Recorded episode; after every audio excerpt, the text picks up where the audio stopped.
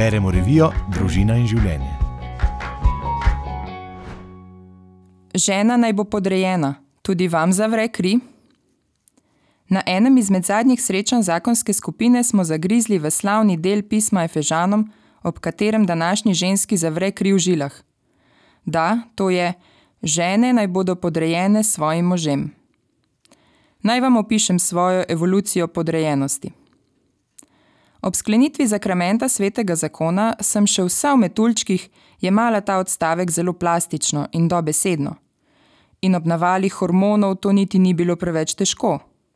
Sprejela sem, da mož odloča o stvarih, tudi o večjih nakupih, nisem želela biti tečna, večkrat sem tiho potrpela kot prava pokorna žena.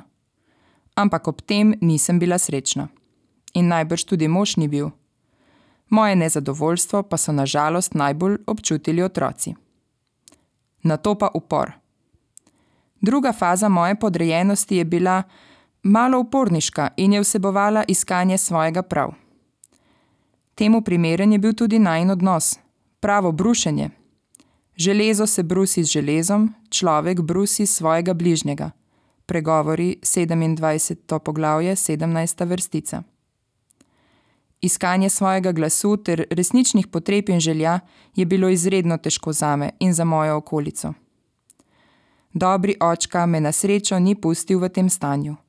Pošiljal mi je spodbude preko zakonske skupine, duhovnih seminarjev, svetega pisma, pesmi, YouTube posnetkov, knjig. Samo sebe sem spoznavala s pomočjo svojih najbližjih, moža, otrok, prijateljev in tistih, ki so me prizadeli. Z božjo pomočjo sem celila svoje rane in prenavljala svoje mišljenje in delovanje. V vsaki ženski je težnja po nadzoru. Sedaj sem v fazi, ko podrejenost dojemam in poskušam živeti na povsem nov način. Ba je, je vsaki ženski težnja po nadzoru, kar je pogojeno tudi evolucijsko. Novorojenčki potrebujejo mamino popolno pozornost in od nje zahtevajo nadzor nad svojimi potrebami, da lahko sploh preživijo. Pride pa čas, ko moramo otroka spustiti, da lahko hodi po poti, ki mu jo je namenil Bog. Seveda postopoma. Težava se pojavi, ko tega ne naredimo. Še več, svojo domeno nadzora razširimo na moža, prijatelje, sodelavce, župnijo, ker vemo, kaj je najboljše za vse okoli nas. Ne znamo spuščati, prepuščati in zaupati Bogu, da On vse vodi. Poslušala sem predavanje Dereka Princa, krščanskega misionarja, ki je to povezal s čarovništvom.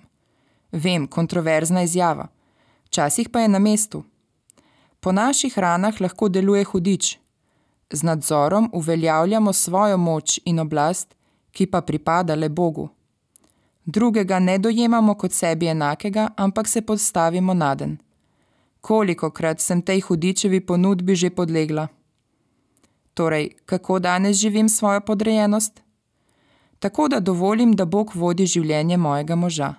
Molim za njega, če se mi kaj ne zdi prav, povem čim bolj jasno in glasno, predvsem pa se urim v tem, da ga spodbujam, potrjujem v njegovih talentih in mu izkazujem spoštovanje.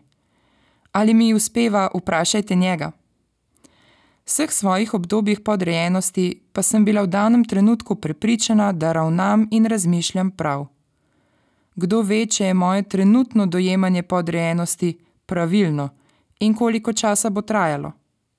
Dokler mi Bog ne bo zdravil še kakšne rane in razsvetlil mojega srca in razuma.